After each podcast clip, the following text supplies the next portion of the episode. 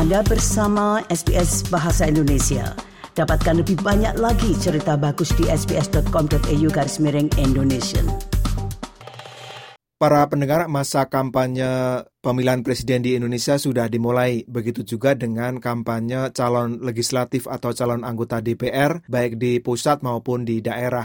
Nah, tahun politik semacam ini ada begitu banyak uang yang beredar dalam aktivitas perpolitikan di tanah air, terutama karena iklan-iklan politik dipasang, kemudian sosialisasi dari partai maupun calon legislatif, atau dari tim sukses para calon presiden. Salah satu yang menikmati adalah para pengelola media di daerah. Saya ingin mendiskusikan fenomena menarik ini dengan Ketua Ikatan Wartawan Online Provinsi Lampung, Edi Arsadat, agar tahu lebih detail bagaimana tahun politik bisa membantu para pengelola media lokal di tanah air, terutama media-media kecil di kabupaten maupun provinsi-provinsi, untuk memperpanjang nafas kehidupan mereka termasuk bagaimana hubungan para jurnalis dengan politisi itu sendiri. Ikuti perbincangan dengan Edi Arsadat, Ketua Ikatan Wartawan Online Provinsi Lampung berikut ini. Bang Edi, apakah Bang Edi setuju bahwa periode tahun politik ini sebenarnya dalam sisi yang lain eh, menjadi kesempatan bagi media-media lokal untuk menambah eh, pendapatan mereka misalnya melalui iklan politik? Ya, tidak dipungkiri Mas itu jelas jadi ini ya salah satu uh, apa ya salah satu pemasukan buat uh, teman-teman yang lain gitu untuk mencari uh, apa namanya tambahan pendapatan yang jelas itu. Dan itu sudah terasa di Lampung misalnya ya?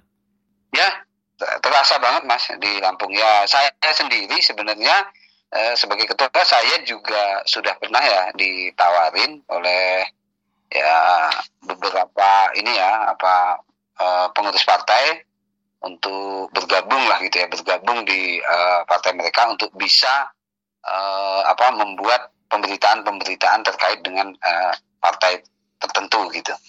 Tapi saya memang nolak gitu. Mas, uh, apakah bukan lebih menguntungkan jika uh, media itu secara organisasi mengadakan atau membuat pers apa kerjasama iklan begitu daripada teman-teman wartawan langsung berhubungan dengan politisi? Menurut Mas Edi bagaimana?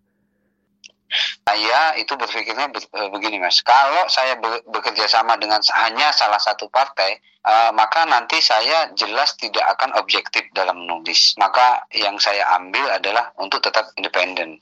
Saya tidak akan uh, apa bekerja sama dengan hanya salah satu partai. Gitu. Hmm. Maksud saya bukan salah satu partai dengan semua partai misalnya membuat kerjasama pemasangan iklan untuk calon legislatif begitu.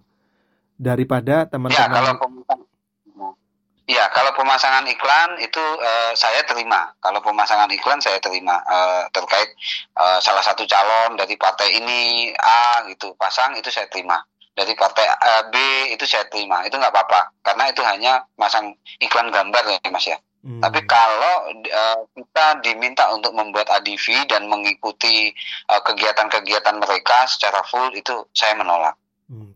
Tapi tawaran semacam itu selalu datang ya di daerah. Iya ada, Pak. Eh, selalu ada gitu mas. Tiap ini ya, tiap tiap musim pemilu ini pasti ada gitu. Kalau uh, dari pengalaman Mas Edi, uh, apakah uh, periode tahun politik ini menjadi semacam apa ya? Mungkin kalau petani masa panen begitu bagi teman-teman uh, media di daerah. ya, sa salah satunya iya, saya rasa seperti itu.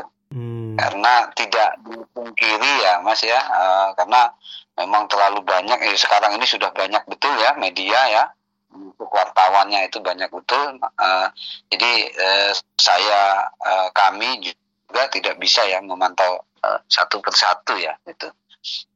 Tapi tetap ada standar di mana uh, teman-teman anggota ibu misalnya harus memegang aturan tertentu ya dalam hubungannya dengan partai politik ini.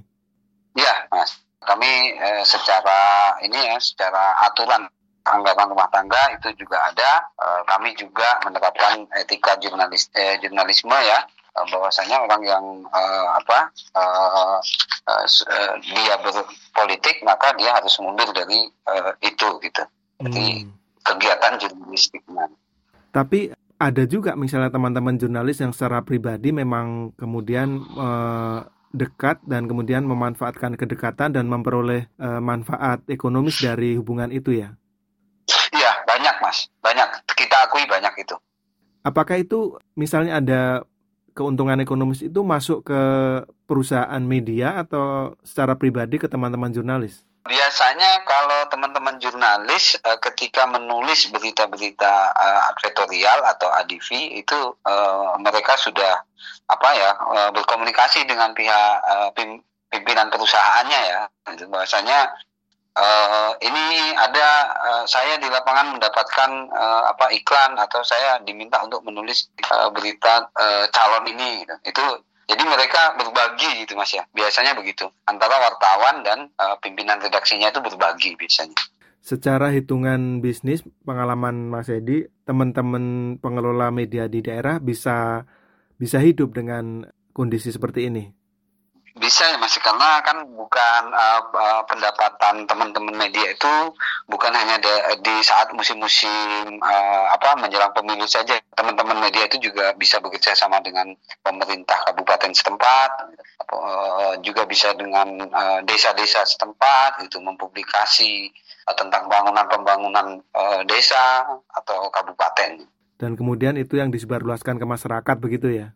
Betul, iya. Ini semacam eh, langkah realistis untuk bertahan di tengah uh, bisnis media yang sulit saat ini ya? Ya, betul mas. Betul. Terakhir mas, kalau di Lampung pengalaman ini, hubungan antara uh, pengelola media, teman-teman wartawan juga dengan misalnya politisi atau uh, kepala daerah begitu, mungkin bisa digambarkan seperti apa ini uh, hubungannya? Uh, saya uh, pengalaman saya mas ya. Saya sama teman-teman di uh, kepala daerah OPD maupun teman-teman DPRD alhamdulillah hubungan kami bagus. Karena uh, biasanya teman-teman media di uh, setiap kabupaten kota itu itu mereka memiliki grup ya WhatsApp grup sendiri dengan pejabat-pejabat uh, daerah uh, di setempat gitu. Jadi mereka tetap berkomunikasi itu biasanya seperti itu. Uh, saya sendiri kalau, kalau pengalaman saya dengan uh, bupatinya atau dengan ketua DPRD anggotanya itu selalu berkomunikasi bahkan uh, kalau kami ini uh, biasanya ada keluhan-keluhan uh, masyarakat itu juga bisa kita sampaikan langsung ke grup itu dan kita minta tanggapan-tanggapan uh, anggota dewan maupun uh, pemerintah OPD terkait itu di di grup itu begitu sih mas. Oke. Okay. Eh, terakhir ini, uh, Mas ada kerjasama misalnya dengan uh, organisasi atau lembaga di tingkat nasional untuk misalnya tadi kayak sekolah jurnalistik begitu? Uh, biasanya uh, kami datangin ini aja Mas kita. Kalau di tingkat nasional belum ya. Tapi uh, kami Iwo itu biasanya bekerja sama dengan uh, teman-teman wartawan yang sudah senior ya di Bandar Lampung. Ya, biasanya ada Mas Amiruddin Surmin, ada ya eh, beberapa teman-teman yang sudah senior ya Abdul Hakim itu pernah kita undang semua ke Lampung Timur untuk memberikan pelatihan teman-teman gitu. Cuman kalau sosialisasi pelatihan jurnalistik di sekolah-sekolah biasanya kami sendiri yang uh, memberi materi ke siswa gitu.